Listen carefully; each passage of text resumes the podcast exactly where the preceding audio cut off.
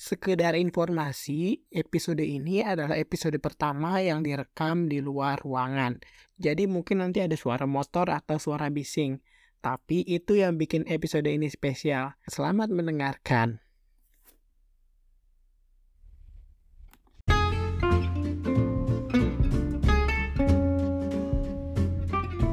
Zaman itu sih memang image pemain Blind ya keren sebenarnya image waktu itu tuh keren sebelum sekarang itu udah beda saya sebagai duta caper ya. Iya caper se jadi zaman itu gue ngerasa kalau main musik tuh gila keren banget. Bisa nyanyi bisa manggung di depan orang terus bisa kelihatannya pokoknya keren nih pokoknya image gue waktu itu gue dianggapnya bisa kelihatan keren orang dan alhamdulillah kita bisa eksekusi waktu itu ya akhirnya nggak ya mungkin fals ada lah ya namanya.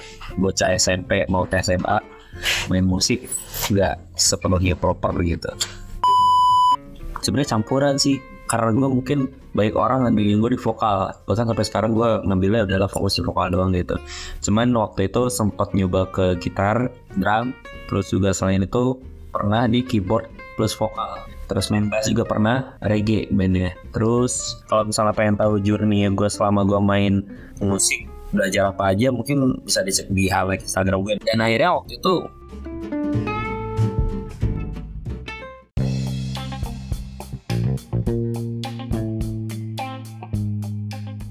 Saking serunya, jadi kebablasan nih ngobrolnya. Podcast ini dibagi jadi dua part ya.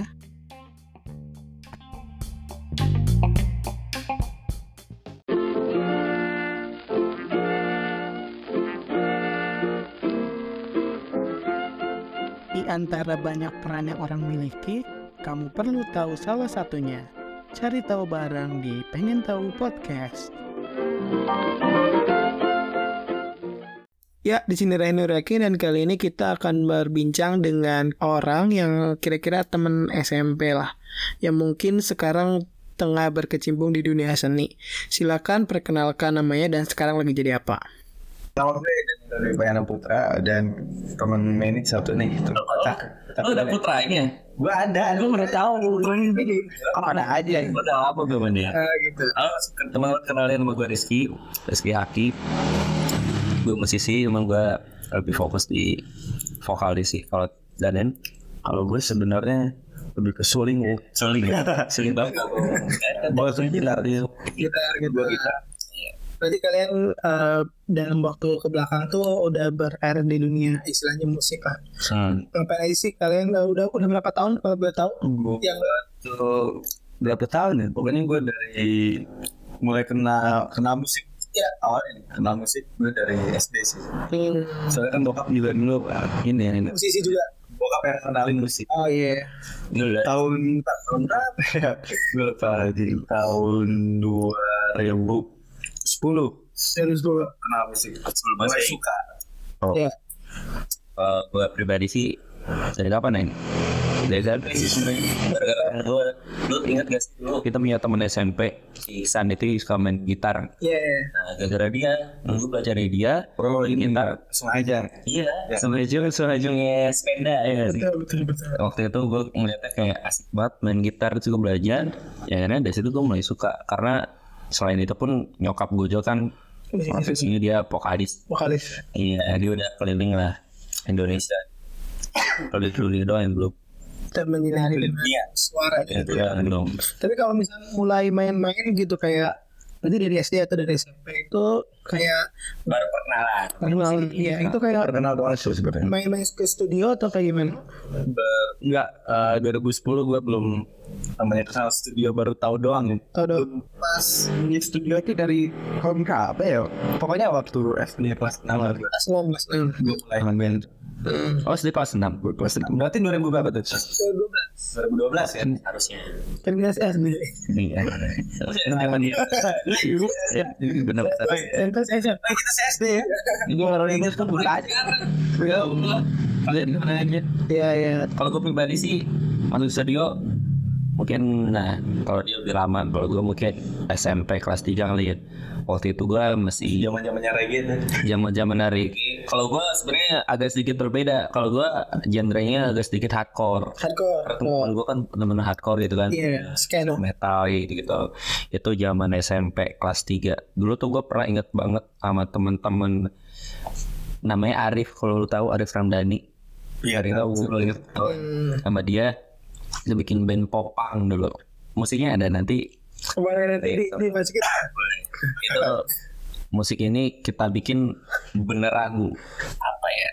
Ciptaannya ada temen gue namanya Adit. Oh iya. Aditya Nata Prawira Shout out buat Aditya Nata Prawira yang udah nyiptain satu lagu Ini keren banget hadir ke dalam Prima Oh iya. juga masuk di situ jadi udah dunia recording sebenarnya cuman kalau ya recording ya SMP kelas 3 mau keluar kalau misalkan studio mungkin semester satu ini apa ya waktunya dekat banget tapi dari situ udah mulai kerasa pede pengen melangkah ke yang lebih serius ya udah gue kenapa enggak gitu dan bikin musik kita recording gitu Iya. Cuman kalau yang beneran studio banget kan gue pribadi mungkin zaman SMA tuh pernah ikut jaga studio Studio mana tuh? DNA. Oh DNA. Nah, di situ gue udah sering kayak nongkrong main itu SMA sih. Itu kalau yang beneran studio ya. Betul betul. Karena ini podcast tentang dunia profesional gitu. Nanti kan kita akan eh, cerita soal dunia profesional sih. Kayak misalkan memang ya udah istilahnya berbayar kayak gitu kan tapi kan Kan. permusikan betul tapi industri ya ya. betul. Tapi kita eh, sekarang cerita dari dari awalnya aja dulu sih. Kayak awal pernah membentuk band atau atau kayak gimana Kita sebenarnya nggak membentuk waktu itu zaman waktu mau perpisahan. hmm. Jadi oh pernah main bareng permen bareng. Kita itu enggak enggak. Eh, ya, gimana sih kita? Enggak, maksudnya maksudnya main bareng di, di acara gitu. Iya. musik Iya di panggung. Waktu itu itu emang sebenarnya nggak kepikiran sih mau main bareng cuman karena waktu itu kita jadi jadi personil akhirnya kenal sama dia sama temen-temennya juga dari kita inisiatif pengen bikin band buat perpisahan gitu kan. Kalau perpisahan kan mungkin mau Iya, sih, spesial banget ya kita mau lulus ya kita pengen ngeband gitu kan. Karena kita suka di musik. Kita waktu itu latihan justru malah nggak di studio. Agak ada justru latihan tuh di rumah gue. di rumah dia Iya. jadi waktu itu memang kita bingung ya mau ke studio. Di sini. di sini. Pas banget di sini. Recording ini iya nah kita waktu itu memang berbeda tanpa studio kita cuma di sini di depan. situ. Terus ya latihan cuma semalam. Barat eh seadanya tuh. seadanya peralatan seadanya kita pun nggak tahu eksekusi mau kayak gimana. Sebenarnya cuman di malam itu juga kita mutusin buat ya posisi masing-masing. Ya udah kita tampil seadanya waktu itu kita bawain salah satu lagu yang merasa eh, rasanya itu lagu dari Lumayan pop-pop gitu lah ya Tapi beat beat beat pop. lebih pop pop Salah satu teman gue temennya dia Jadi kita bawain satu lagu itu Terus Sama lagu apa? Lagu biji Kita sebenarnya itu? Jatahnya dua lagu tau. Katanya ada lagu. Tapi pas kita lagi main ternyata cuma dikasih satu lagu.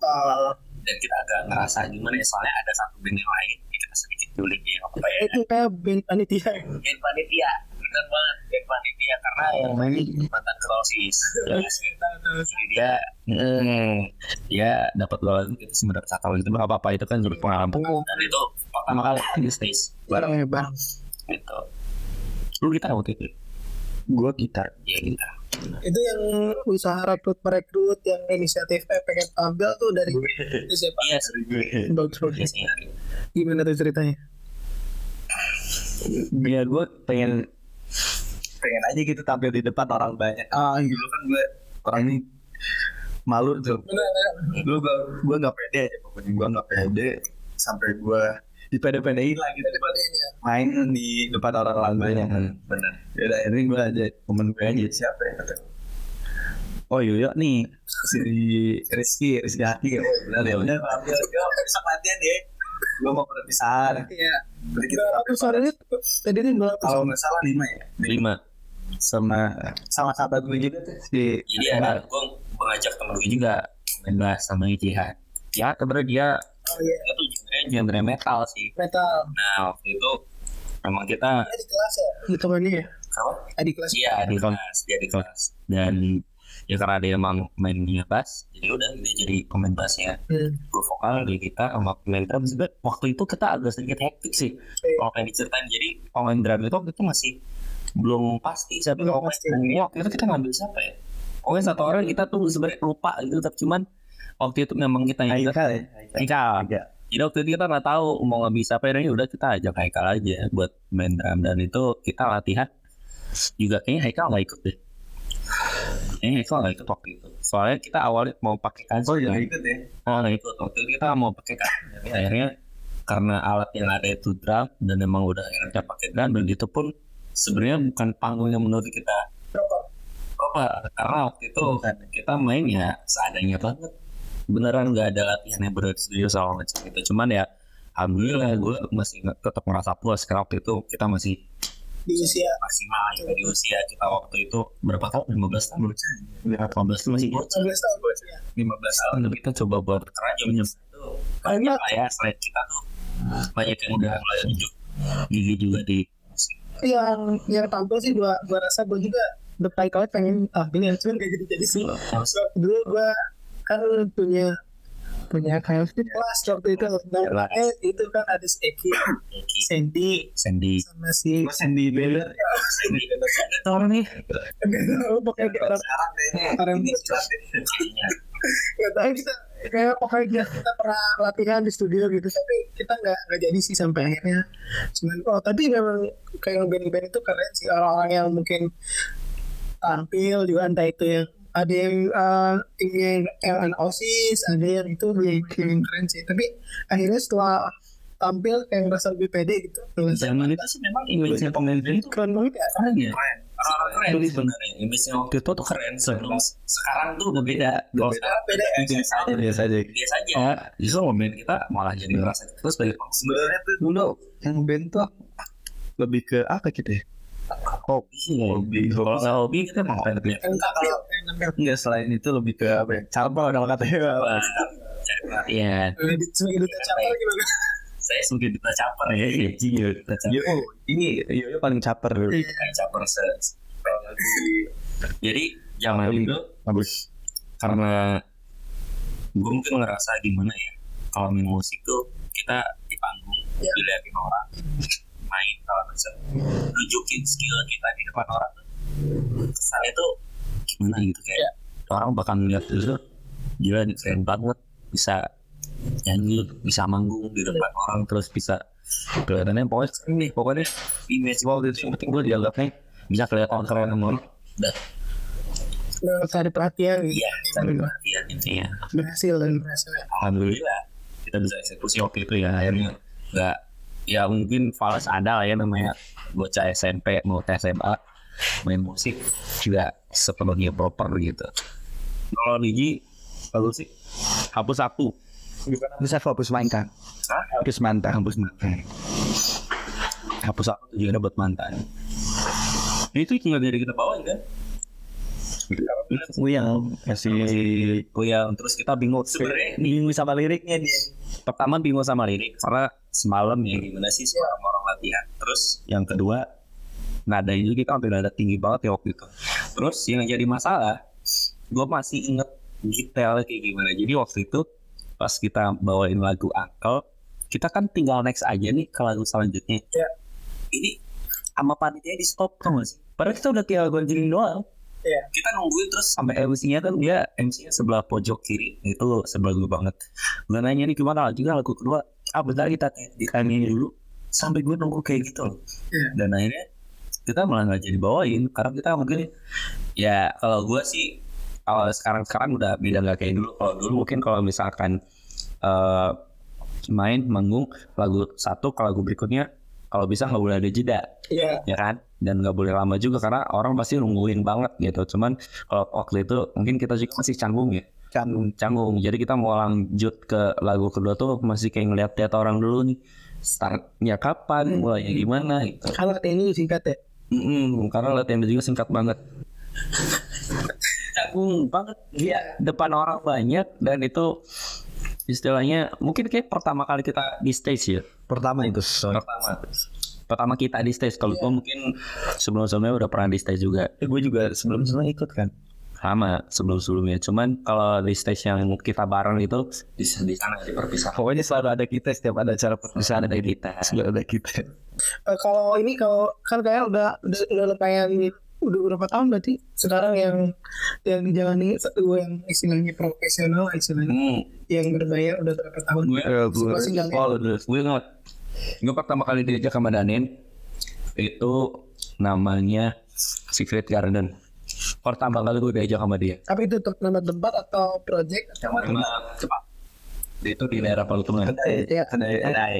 disebut Bukan sebenarnya itu lebih objek sekarang nggak sih ya mungkin Secret Garden ya Iya. Cuman itu ya mungkin dia pangsa pasarnya itu buat anak-anak muda nongkrong gitu kan biasanya kopinya ada tower sebenarnya tower sih sebenarnya nama tempatnya itu Secret Garden oh iya iya iya.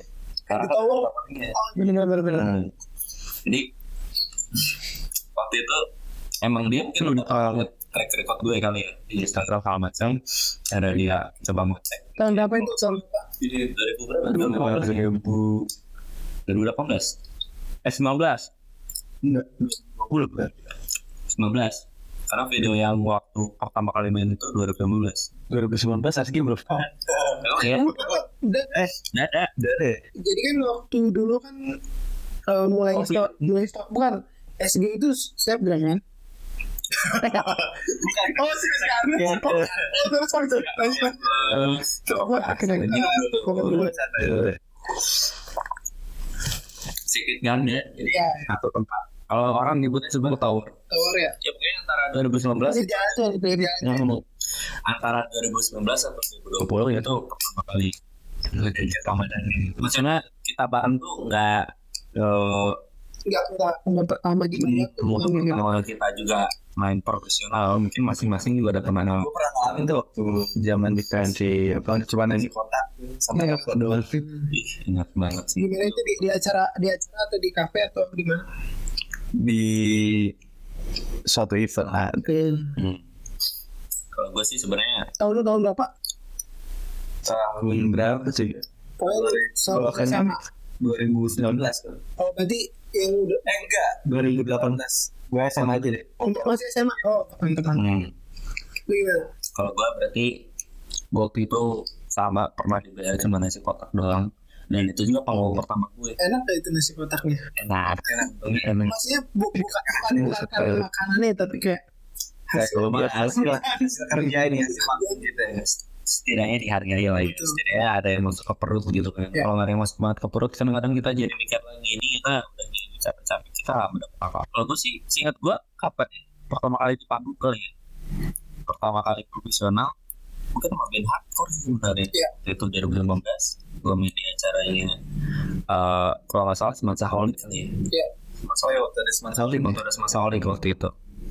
Eh, gue main sama teman-teman dan itu kayak stage pertama dibayar cuma nasi kotak lo nasi kotak lo karena bandnya bukan band yang emang diundang gitu loh. Iya. bandnya emang kita ngajuin Iya. karena emang ya namanya kita baru ngebangun band. Karena kita baru pertama kali ngebangun band dan kita juga pengen promosi dan kita pengen dikenal banyak orang ya udah mau memang harus nyari tempat yang sekiranya bisa buat menarik band kita gitu kan waktu itu. Itu 2019 ya. dan akhirnya masuk covid kan.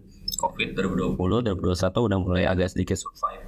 Sebenarnya di tahun 2020 juga mungkin kita pernah ya sekali-kali kita di secret. Pokoknya pertama kali emang kita di 2020 sih waktu itu. Jadi pertama Pertama kita main bareng emang dekat pakai masker. Oh, iya. waktu itu. Manggung pakai masker tapi belum sama Dani.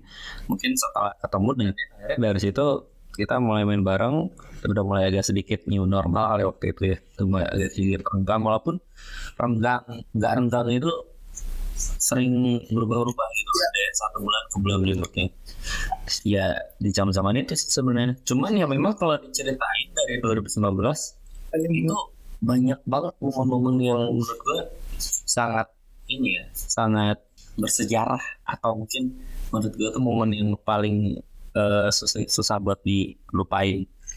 Kita waktu itu ya coba buat survive di covid. Kita manggung sampai beneran tersembunyi banget biar nggak ketahuan sama satpol pp iya dan pakai masker. iya dan kita wajib pakai masker juga waktu itu banyak sih sebenarnya kalau mau Bukan dasar tapi. Iya. Pokoknya tantangan tantangannya waktu itu hambatannya baik banget, terutama pas covid. Kayaknya nggak cuma gue doang sih, kayak banyak ya seluruh di seluruh dunia bahkan. Nah, di waktu covid main juga tuh banyak panggung Tapi harga harga miring, harga kopi. pasti harga miring Harga miring. Harga miring ya. nah di situ tuh eh, banyak jam kan nih kita gue punya Nah, pokoknya udah ke mana lah gitu nah habis udah seminggu habis banyak job gitu dia teh parah kena. Gue pernah terpapar. Sebenarnya gue nggak menyebutkan itu sebagai terpapar karena waktu itu gue nggak pernah ngetes sama sekali. Bahkan sampai sekarang gue pernah ngetes gue positif apa enggak. Tapi waktu itu gue ngerasa mungkin gue harus positif thinking karena salah satu kunci kesehatan itu yang paling penting itu dari pikiran ya dari Iya, itu dari pikiran gue ketika gue ngerasa sakit gue demam segala macam gue mikir ah ini gue bukan covid nih gue cuma penyakit biasa. Karena kalau nggak sugesti gue langsung ke covid mungkin gue bisa jadi positif covid kan waktu itu juga. Iya. akhirnya ya gue sempet down juga waktu itu. Isolasi, isolasi. isoman ya kan? Nggak manggung segala macam. Nggak ada pemasukan.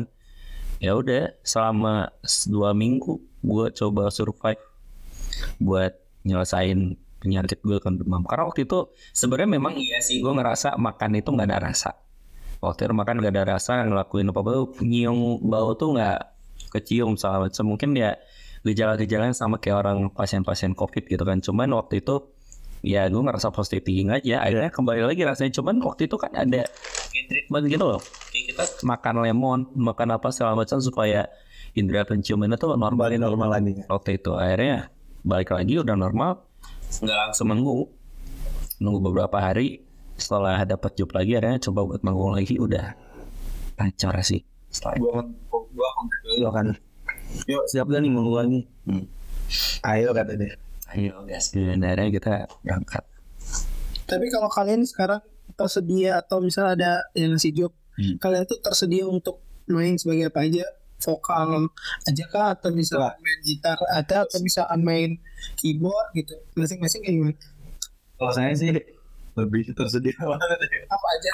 kalau lu ya iya kalau untung gue tuh eh apa segala bisa ya ah, ya, bukan sama ya cuma apa mungkin lah.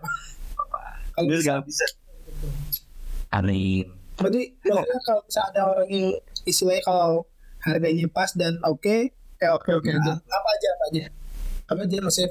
Oh, lo Eh. ngambil apa aja posisinya oh waktu itu gue ambil gue sempat di vokal Bos.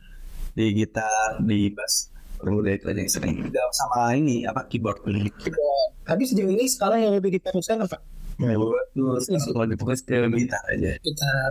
Iya.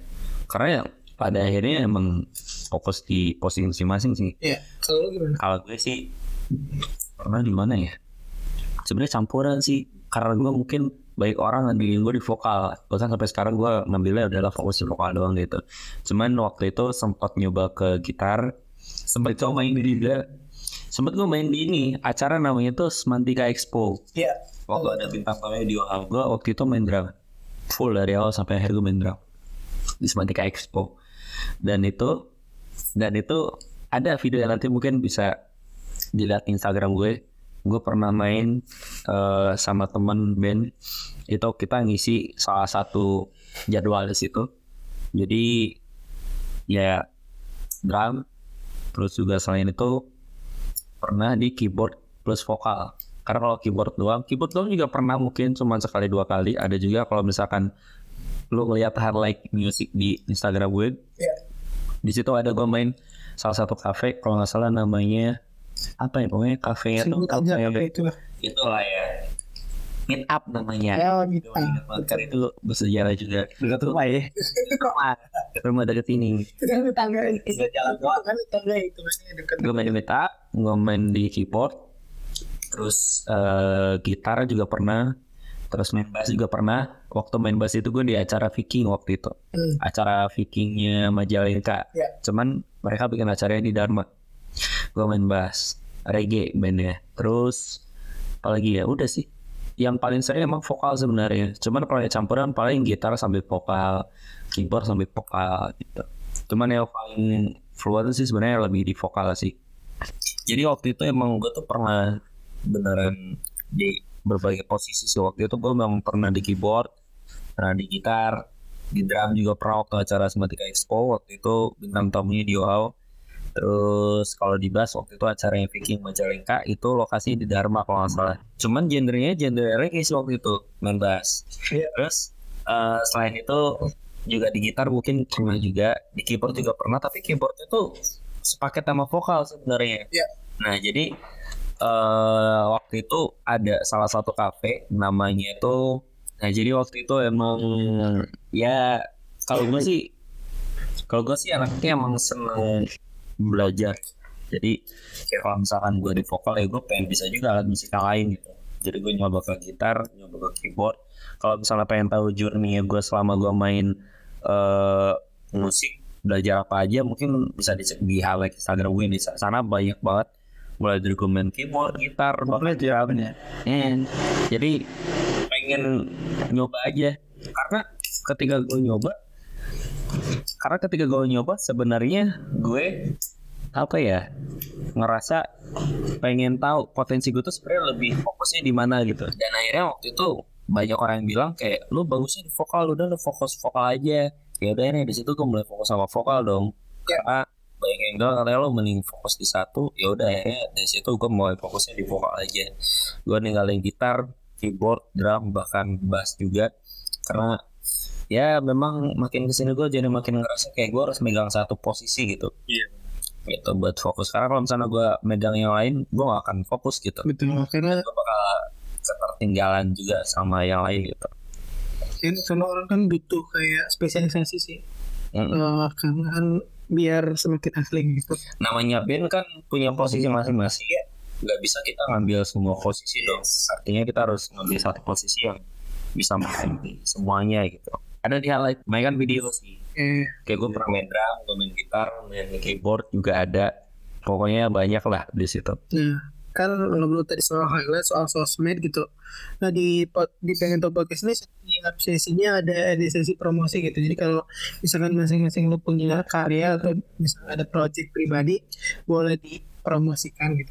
kalau sosmed mungkin teman-teman bisa langsung di Instagram gue @rizkyhq eh gue punya project juga buat akustik buat band buat kebutuhannya banyak teman-teman kalau misalnya butuh buat event atau buat wedding atau buat di cafe itu teman-teman bisa coba kontak aja ke Instagram gue di sana terus kalau mau lihat eh cover-coveran mungkin ada juga di Reels. Di Reels ada. Itu gue sebenarnya fokusnya di vokal gitu. Jadi kalau misalkan memang butuh uh, bandnya juga ntar gue bisa ajak teman-teman gue juga. Karena gue juga ada band sebenarnya cuman masih kita coba buat kembangin ya masih kita bangun. Terus kalau mau lihat journey-journey pengalaman segala macam mungkin teman-teman bisa lihat di highlight di hashtagnya ada di sana hashtagnya music. Itu dari mulai gue mungkin zaman 2019 sampai sekarang eh kritis musik yang profesional bahkan yang non profesional juga ada di sana. Jadi bisa dilihat aja sih gitu. Barangkali teman-teman pengen tahu insight-nya gue mulai dari awal main yang mungkin masih biasa-biasa aja sampai sekarang juga sebenarnya walaupun masih biasa-biasa aja tapi setidaknya kalau mau ngeliat progres karena kan mungkin kebanyakan ada teman-teman yang pengen masuk di dunia musik atau berkarir di dunia musik yang masih merasa kurang pede lah ya. Masih ngerasa kurang yakin atau masih pengen coba buat kembangin tapi belum ada progres segala macam mungkin bisa dilihat aja di sana. Gue beneran fokus buat eh, progres. Biar gue tuh bisa semakin berkembang di musik gitu Project-project di luar musik ada nggak yang kayak project tertentu gitu yang mau dipromosiin? Project Popas.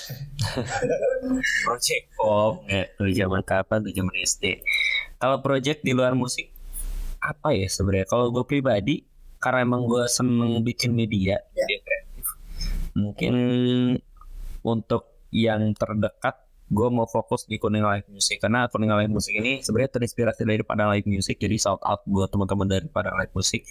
Gue bikin eh, platform itu untuk menciptakan kebahagiaan sebenarnya. Karena sesuai dengan namanya juga mungkin tema kali ya. Temanya juga namanya A happiness inside the music. Jadi jangan sampai kita music itu nggak ada bahagia bahagianya gitu.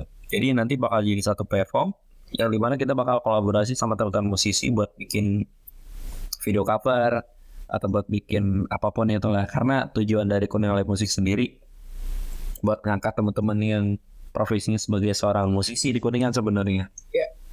jadi nanti kita coba buat kemas bikin video coveran ataupun band segala macam ataupun live sessions juga mungkin gue bakal bikin.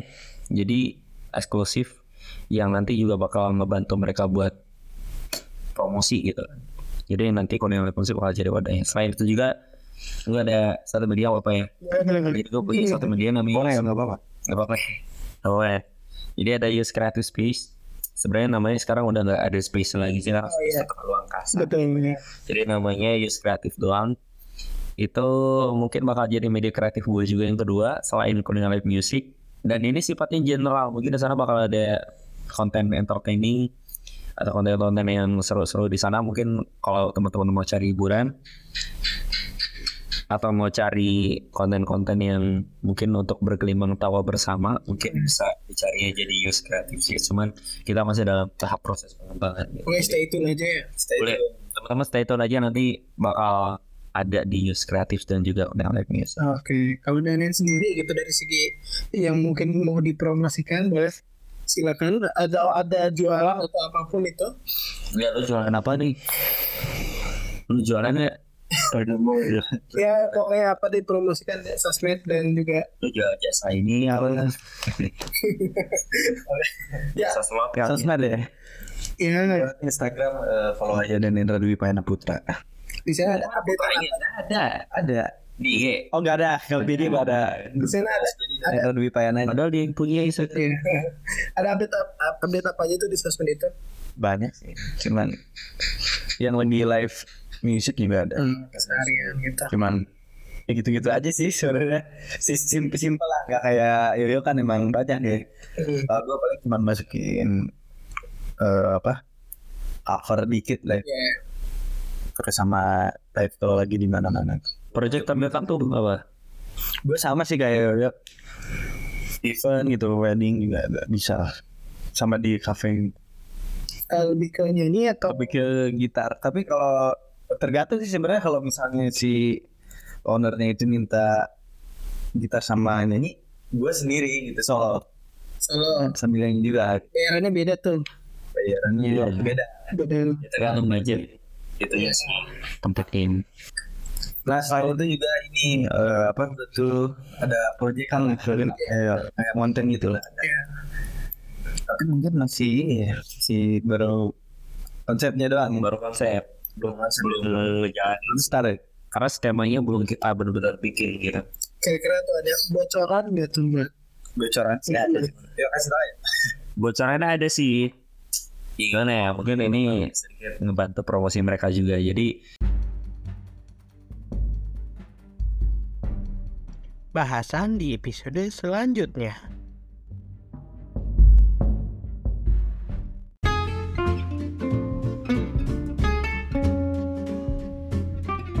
zaman itu sih memang image pemain band ya. Keren sebenarnya image waktu itu tuh keren. sebelum sekarang itu udah beda. Saya sebagai duta caper ya. Ya caper se se- jadi zaman itu gue ngerasa kalau main musik tuh gila keren banget. Bisa nyanyi bisa manggung di depan orang terus bisa kelihatannya pokoknya keren nih pokoknya image gue waktu itu waktu dianggapnya bisa kelihatan keren nomor dan alhamdulillah kita bisa eksekusi waktu itu ya akhirnya nggak ya mungkin fals ada lah ya namanya bocah SMP mau ke SMA main musik nggak sepenuhnya proper gitu. Sebenarnya campuran sih karena gue mungkin baik orang ngambilin gue di vokal. Bahkan sampai sekarang gue ngambilnya adalah fokus di vokal doang gitu. Cuman waktu itu sempat nyoba ke gitar drum terus juga selain itu pernah di keyboard plus vokal. Terus main bass juga pernah reggae bandnya. Terus kalau misalnya pengen tahu journey gue selama gue main musik belajar apa aja mungkin bisa dicek di highlight Instagram gue dan akhirnya waktu itu